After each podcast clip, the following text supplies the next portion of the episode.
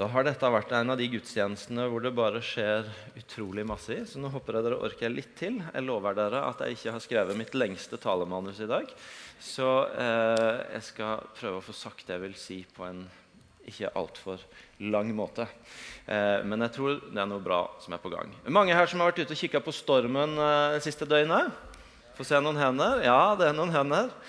Eh, fascinerende vær en, en, av de tingene som ikke er sånn, som ikke får fram det mest sympatiske og modne og hyggelige, vennlige utsida ved meg, det er det, er det som, som, går på at jeg er ganske sånn glad i å ha, ha litt styringa og, og, kontrollen på ting sjøl. Eh, og det, det, gir seg bl.a. det utslaget at hvis folk på en måte tråkker litt inn i mitt fordi at de syns de har gode råd eller hjelp eller forslag til meg uten at jeg har bedt dem om det eller invitert dem inn i det, så kan jeg bli litt sånn Jeg blir ikke så ofte sint, men jeg vil kanskje si muggen. Litt sånn muggen. Eh, hvis jeg på en måte føler at folk blander seg uten at jeg har bedt dem om det. Så Hjemme hos oss er det for fortsatt det der års ekteskap en stående diskusjon om kommentarer når jeg lager mat av typen 'Hvorfor bruker du ikke heller den gryta?' Da går det mye fortere. Om det er utidig innblanding eller vennligment hjelp. Jeg husker en tidligere gang hvor det var ikke fullt så ille storm som det, var, som det har vært nå, men hvor det var skikkelig uvær. Og, og, så hadde vi rett ved kjellervinduene våre så hadde vi lagt noe ny jord. og Den tok ikke så godt unna vannet, så plutselig så, så vi at å, det er på vei vann inn i kjelleren vår. Og Geir, som bodde i huset vårt da, sammen med han Therese, han hadde vært en av de som liksom hadde hørt med ikke fra nå han sier det veldig sånn sympatisk at det er jeg som er problemet og er umoden og sånn når jeg blir litt muggen, men han hadde mer hørt meg fra den vinkelen av tullingene som gjør sånn og sånn. Og på en måte hørt den dårlige sida av meg. da, Og at jeg ikke satte så veldig pris på folk som, eh, som blanda seg på den måten. Og så, og så, så jo han at jeg sto der og prøvde å holde vannet unna. og husker jeg Vi sto der, og vannet var helt ved kanten av vinduet. og vi tok, sto med bøttene og tok unna vann begge to. Og så bare ser Geir opp på meg så sier han er dette sånn hjelp du ikke liker, siden du ikke har bedt om det? Kjente jeg meg avslørt. Kjente jeg meg avslørt. Noen ganger kan vi bli ganske stuck i at, at, vi har på en måte våre spor på hvordan vi vil at ting skal være. Og så går vi glipp av noen av de mulighetene som er rundt, og som, og som kan ta oss videre og som kan ta oss inn i nye muligheter, nye åpninger. Og Det er noe av det jeg har lyst til å snakke om i dag. At også i vårt liv med Gud så, eh, så kan vi noen ganger kanskje lande i noen spor, i noen forestillinger, i noen mønstre. Og så har Gud lyst til å løfte oss opp i et høyere perspektiv, som gjør at vi ser at oi, her er det også andre muligheter, her er det andre veier. Eh, og Litt av inngangen min til å komme til det er på den ene sida eh, For de av dere som, som hører til i IMI og var på gudstjeneste forrige søndag, så snakka jeg noe om at at når vi, når vi, er med på det Gud gjør med livet vårt, og det skjer midt i livet vårt Heldigvis bruker ikke Gud bare de som har alt på stell, så de kan kjøre på, men han bruker sånne som oss, som samtidig som vi er med på det Gud leder oss til, så, så skjer det andre ting i livet vårt som er, kan være krevende å forholde seg til. Og, og når han leder oss inn i ting, så, så, er det også ofte forbi det vi kan håndtere på egen hånd. sånn at, sånn at det å det å, det å, leve i det Gud gjør, det kan noen ganger være litt intenst. Det kan noen ganger utfordre litt. Og så må vi finne ut hvordan vi lever godt i det. Og da er den ene sida Det kan handle om at vi må finne ut hvordan vi, eh, hvordan vi eh, organiserer livet vårt og har en sunn rytme i livet. Vi snakker mye om livsrytme her på huset. En rytme i livet som gjør at det er godt å leve. Og er den ene sida, det, det som har med en rytme i livet å gjøre. Men så er den andre sida det har noe med Guds rytme å gjøre. Hva, hva vil det si når, å, å, finne på en måte hvile, finne Guds liv, oppleve at det er godt å leve? For det om du ikke kan kontrollere og styre alt og ordne alt sånn som du sjøl vil ha det. Og I går så, kveld på konferansen her så, så ba vi for folk som, som trengte å møte Guds fred midt i stormen. Hvor en ikke kan kan bare sjøl lage fred i livet sitt, men hvor det er storm, og hvor du sjøl ikke kan finne fram til freden. Men så sier Guds ord noe om at han kan gi oss fred midt i stormen. Han kan la oss få kjenne fred fordi om det er storm rundt. Og Det sier oss noe om at i Guds ord så er det sånn at på den ene sida så møter vi gode prinsipper og, og, og, råd for å leve godt, for å leve det livet Gud har skapt oss til. Og Samtidig så forteller Guds ord om ting som han kan gjøre, som ikke vi kan gjøre. Som på en måte går forbi de prinsippene. Og som, som ikke bare overlater oss til å prøve å finne ut av noen gode råd på veien, men som sier at han kan gjøre noe som ikke vi kan gjøre, som går forbi de prinsippene. Så vi kan lære noe i Bibelen om at vi er skapt til å leve i en sunn rytme i livet. Mellom hvile og arbeid, mellom å være i Jesus og gjøre det han kaller oss til. Og samtidig et høyere prinsipp om Guds rytme. At han kan gi oss fred når vi ikke bare klarer å, å finne fram til en god måte å leve på, men trenger at han møter oss midt i det vi står i. På samme måte så kan du si at Bibelen gir gode prinsipper for forvaltning av ressursene våre. Enten økonomi eller andre ting. Og Samtidig så sier Guds ord oss noe om at når vi har tryna i forhold til det, eller ikke får til det, så kan Han møte oss og gi nytt håp. For det om ikke vi fikk det til på egen hånd. Skjønner dere hva jeg mener? Det er På den ene sida så, så, er det ting som handler om at Gud kan lære oss noen gode ting som vi kan, kan gjøre, og som er visdom fra Han. Og Samtidig så sier Guds ord oss noe om at noe som går forbi det, og som handler om at han kan handle helt uavhengig av om vi lever i gode råd og visdom. Tok dere den? Ja. Eh, og Det er noe av innfallsvinkelen min når jeg har lyst til å i dag ta dere med inn i en historie i apostlenes gjerninger helt kort, som, som, hjelper oss til å løfte perspektivet til ikke bare tenke på hva kan jeg gjøre, hvilke prinsipper skal jeg følge, hvordan skal jeg Men som viser at Gud gjør noe som går utenfor det, og som gjerne hever blikket vårt på, på mønster og spor vi kan låse oss i av hvordan vi ser for oss at ting skal bli. Vi møter, De av dere som har med Bibelen, kan slå opp i Apostlenes gjerninger 10. Der møter vi eh, Peter og Kornelius. Og Bakteppet er at eh, kirka i Jerusalem vokste, alt gikk bra. Masse vekst og godt å si om dem. Så bryter det løs en forfølgelse som gjør at de spres utover Judea og Samaria. Og, og, forfølgelsen blir muligheten til at de skjønner at oi, vi kan jo ta evangeliet til nye steder. Og så I kapittel 9 så har vi møtt Paulus, eller da Saulus, som er den fremste av forfølgerne. Og så har han møtt Jesus.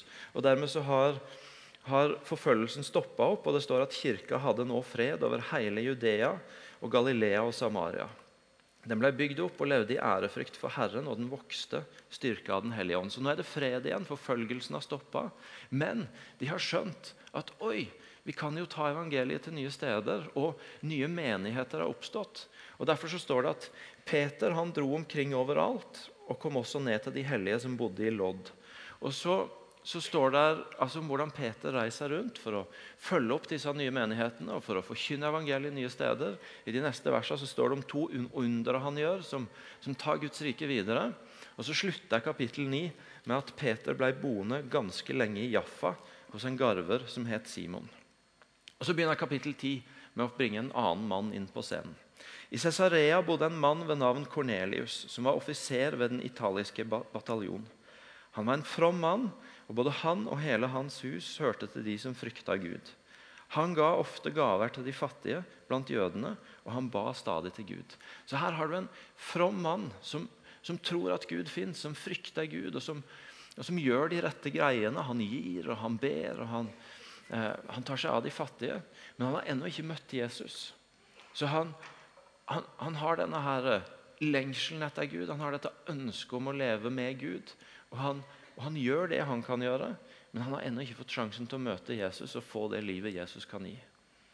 Og Så står det at en dag mens han ber, så får han et syn. Han ser Guds engel som kommer inn til han, og så sier han 'Kornelius'.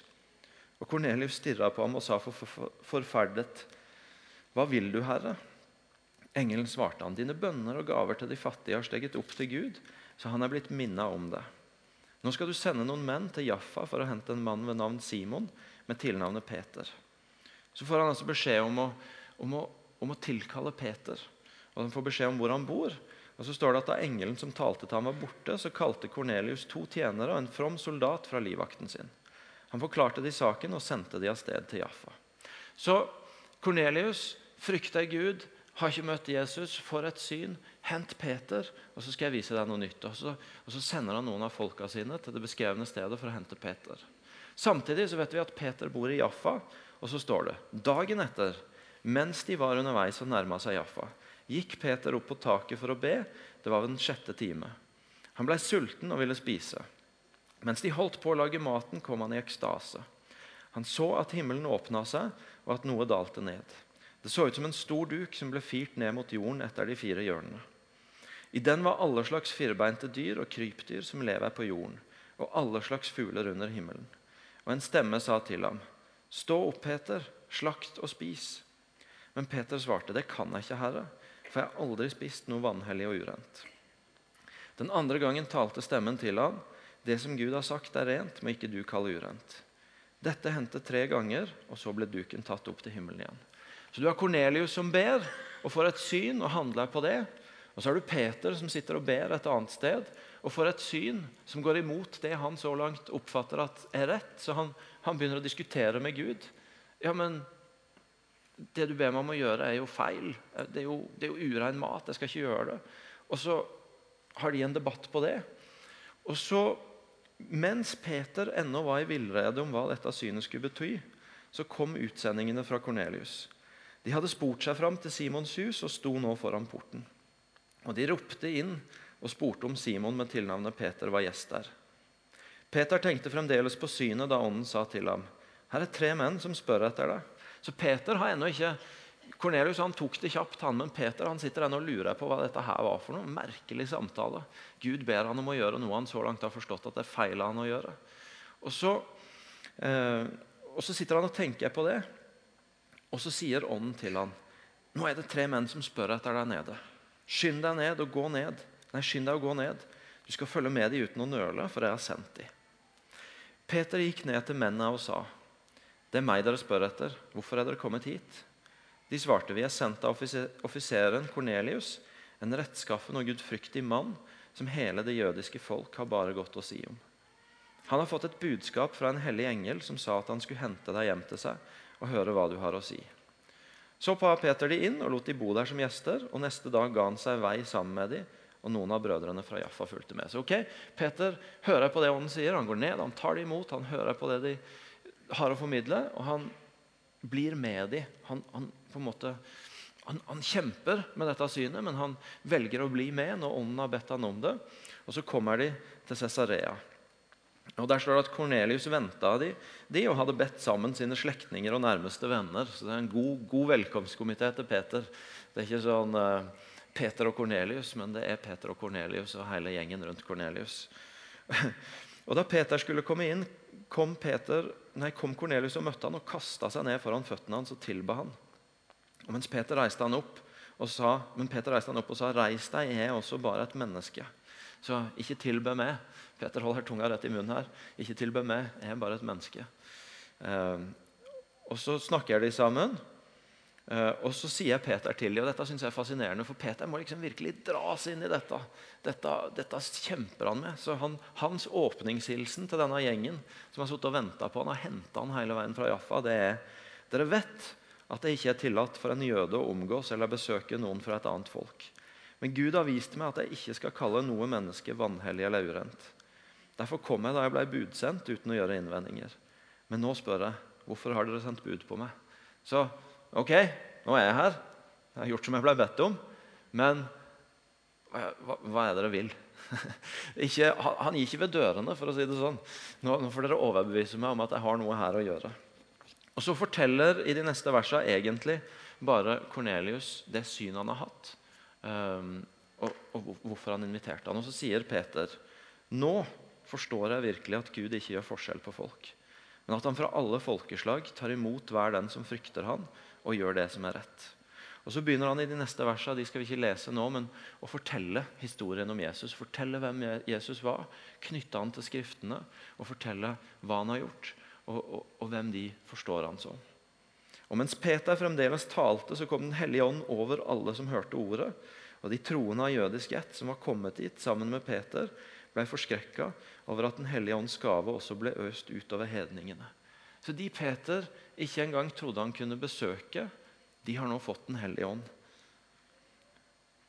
Og, og, Da sier Peter disse har fått Den hellige ånd slik som vi. Kan da noen nekte dem vannet og hindre at de blir døpt? Så bød han at de skulle døpes i Jesu Kristi navn, og etterpå ba de han bli hos dem noen dager. En utrolig fascinerende historie om hvordan Gud taler i to forskjellige menneskers liv og bringer dem sammen og får noe til å skje som ingen av de to uavhengig kunne kommet opp i.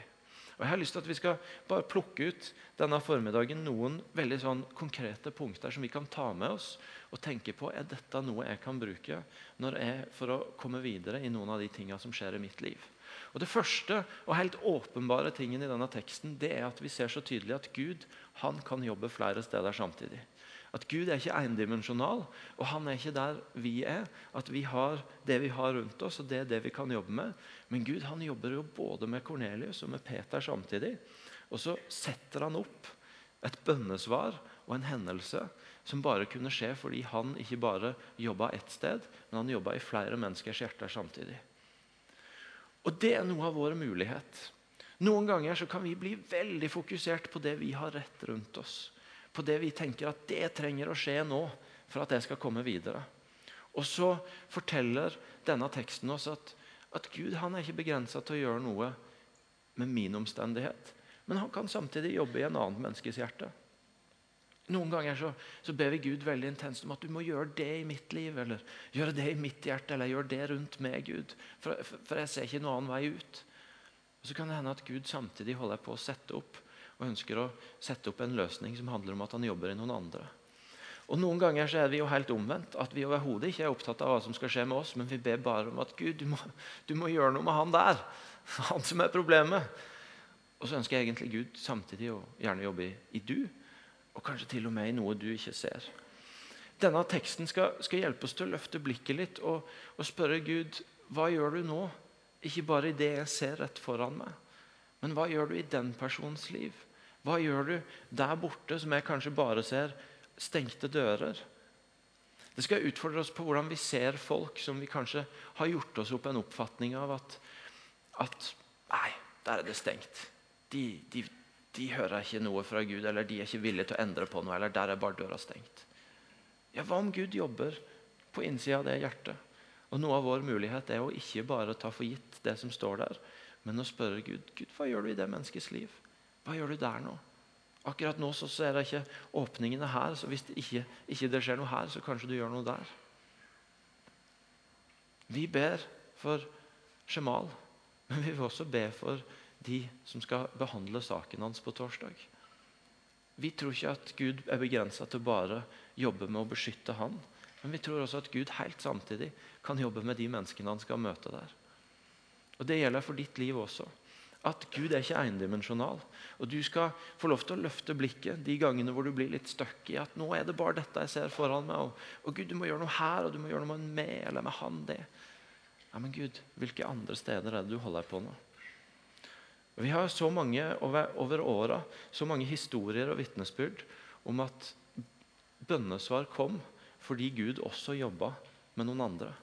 At Gud knytta sammen tråder hvor jeg hadde bedt for noen, og så hadde samtidig Gud holdt på med noe her borte, og så krysses noen veier der borte. Fordi at Gud ikke er endimensjonal, men jobber flere steder. Det skal gi oss frimodighet til å løfte blikket og til å se på mer av det han gjør. Til å kanskje spørre han om større ting. Fordi han kan ikke bare gjøre noe med det vi ser, men han kan jobbe i et større bilde. Så Det var det ene. Det andre er at Gud møter oss gjennom uventa personer. Peter hadde utrolig lite tro på at det var noe vits i å avlegge Kornelius et besøk. Det var feil, og han var ikke jøde. Og, og Så blir det jo denne hendelsen som, som, gjør at Peter kan stå og si at nå forstår jeg virkelig at Gud ikke gjør forskjell på folk. Det blir en person som overhodet ikke var på Peters radar, som blir den som åpner opp et helt nytt kapittel for ham. Og Noen ganger så blir vi altfor låst i at vi ser bare noen mennesker vi tror kan hjelpe oss. Vi ser bare noen mennesker vi tror Gud kan bruke. Eh, noen mennesker som vi er nødt til å få tak i for at noe skal skje.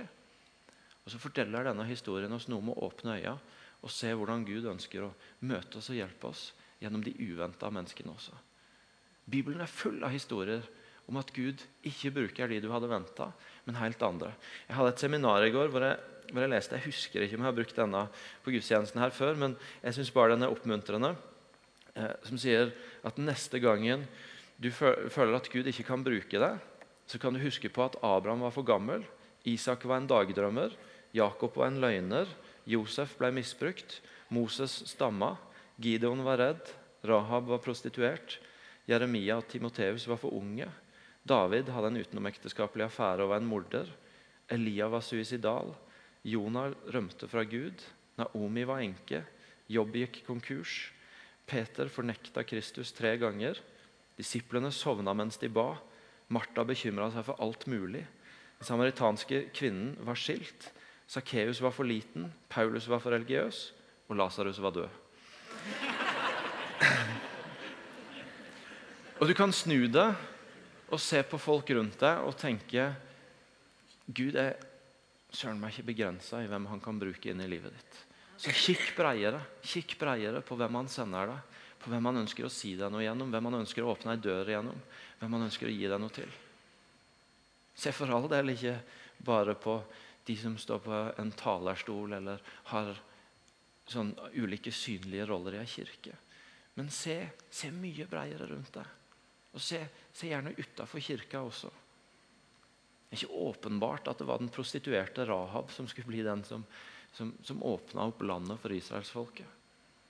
Men Gud sender oss sånne velsignelser, sånne åpninger, sånne veier videre. Ofte på uventa steder. Og Det tar oss inn i det tredje, nemlig at Gud møter oss og leder oss i det som for oss så ofte kan føles som kanskje forstyrrelser eller avbrytelser. Det vi tenker at 'dette er i veien, dette forstyrrer meg' i det jeg prøver å holde på å komme fram med. Paulus, nei, Peter som sitter der og ber og er opptatt med å følge opp menighetene rundt omkring. og og, og jobbe innenfor den forståelsen han har, nemlig at evangeliet er bare for jøder. Og Så sitter han og ber og har sin stille stund og grunner på hva ville Gud med dette synet. Og så, og så plutselig står det tre folk der og forstyrrer han, og, og Vi snakker med han og vil ha han med et sted. Og Sånn som jeg er skrudd sammen, så kunne jo jeg så hadde jeg forstått veldig godt om, om Peter hadde sagt 'ikke forstyrr', vent. Jeg har jo min stille stund. Men så er det nettopp i forstyrrelsen at Gud taler. Jeg er jo en, jeg er sånn som liksom alltid tenker at Gud taler til meg når jeg er stille og har ro rundt meg og får være i fred. Og eh, Jeg har fått god hjelp av Jan Sigurd, som jobber med Myers-Briggs her i huset. en sånn personlighetstest vi bruker, som har sagt at sånn som jeg er skrudd sammen, så er jeg sånn at når jeg er stille, så bygger hodet mitt korthus. Og Hvis noen forstyrrer meg, så, er det som om de raser korthuset for meg. Så må jeg begynne helt på nytt igjen. Jeg må liksom, alt, Det er bare forstyrrelse, bare avbrytelse. Så En annen pågående debatt vi har hjemme, det er, jo, det er jo det at jeg mener at det er åpenbart at hvis et menneske kommer inn i et rom og ser at en mann sitter og kikker ned i en åpen bibel, så vil han være i fred. Mens Hildegunn mener at det er jo åpenbart at hvis du kommer inn i et rom og det er et annet menneske der, så må du jo snakke til det.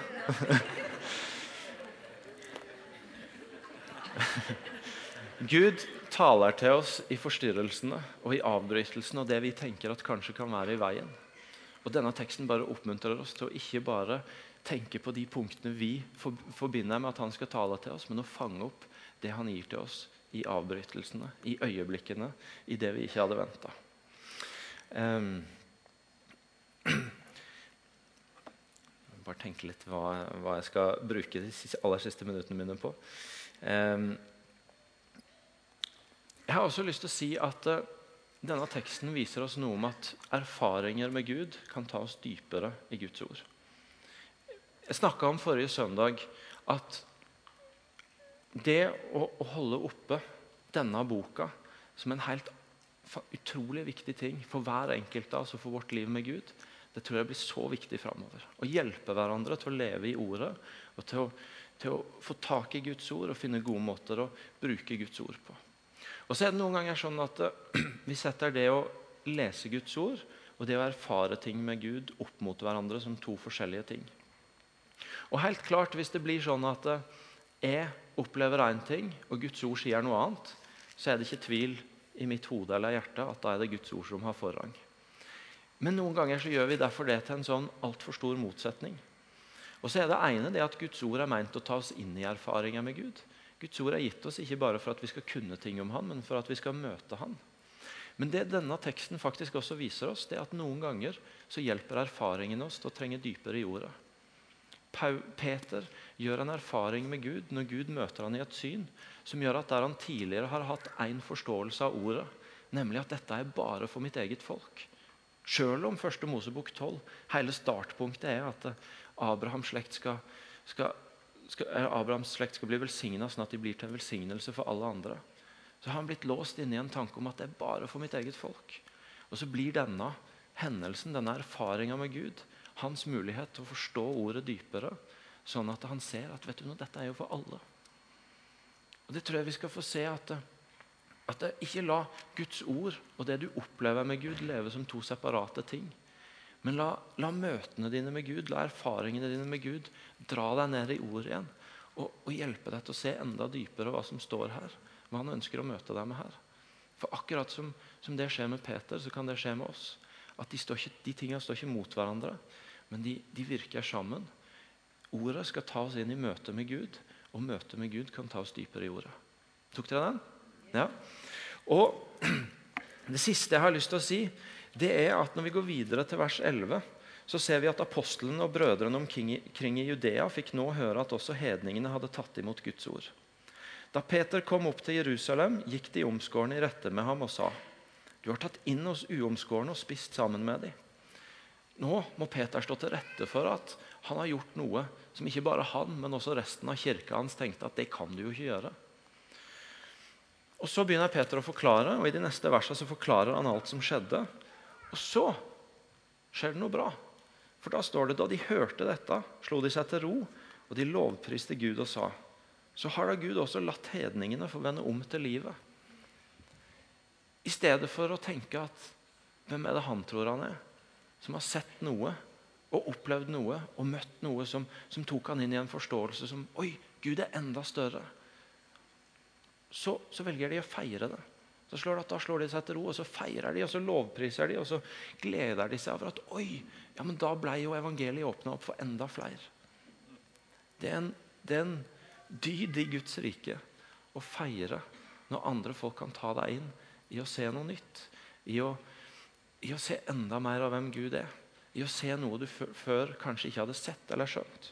Men å klare å feire det og glede seg over at Gud åpenbarer noe for andre som du sjøl trengte hjelp for å se. Å feire det, og det kan åpne opp helt nye ting for deg. Så la oss reise oss opp, og så skal vi be sammen. Dette var Ja, jeg mente det. Det er alltid veldig gøy når du ber folk reise seg, så, bare ser de spørrende på det. Men jeg, jeg mente det. Dette var noen enkle ting som jeg har lyst til at du skal få ta med deg hjem. og skal du tenke, Her er noen nøkler jeg kan bruke når jeg kjenner meg stuck, eller når jeg tenker at vet du, nå, nå vet jeg ikke hvor veien går videre. Og så kan Gud få løfte perspektivet ditt. Ok, Gud, hvis jeg ikke ser løsninga her, hva gjør du der? Gud, hvem er det du sender ei løsning med nå som jeg ikke ser, fordi at jeg er for smal i hvem jeg, hvem jeg, hvem jeg tror at du kan bruke? Hvilke punkter er det du snakker til meg hvor jeg, hvor jeg tenker, på en måte bare er på vei til mitt og føler at det er avbrytelser? Hvordan er det du lar meg oppleve, tar det meg dypere i jordet, sånn at jeg får en enda større forståelse av hvem du er, og hvordan du kan hjelpe meg i det jeg nå står i?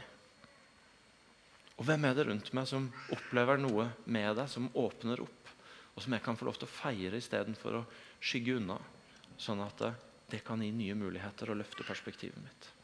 Gode far, jeg har lyst til å be deg for, for brødre og søstre i salen her nå som, eh, som på ulike måter kan, kan, kjenne at de trenger at du, du, løfter opp. Og du gir et nytt blikk på situasjoner som, som virker låst, på mønstre som en strever med å komme seg ut av.